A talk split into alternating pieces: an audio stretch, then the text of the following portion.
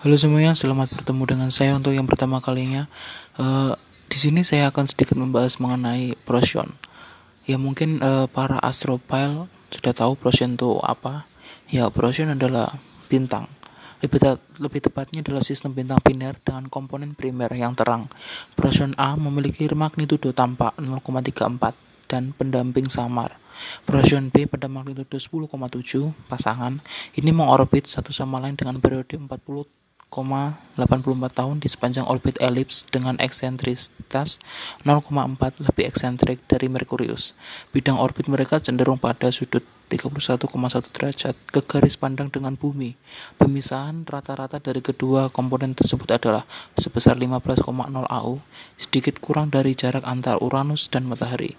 Uh, meskipun orbit eksentrik membawa mereka sedekat 8,9 AU dan sejauh 21,0 AU. Pada akhir Juni 2004, teleskop satelit orbital MOS Kanada melakukan survei 32 hari Procyon A. Pemantau optik terus-menerus dimaksudkan untuk mengkonfirmasi osilasi seperti matahari nah, dalam kecerahan yang diamati dari bumi dan untuk memungkinkan asteroseismologi.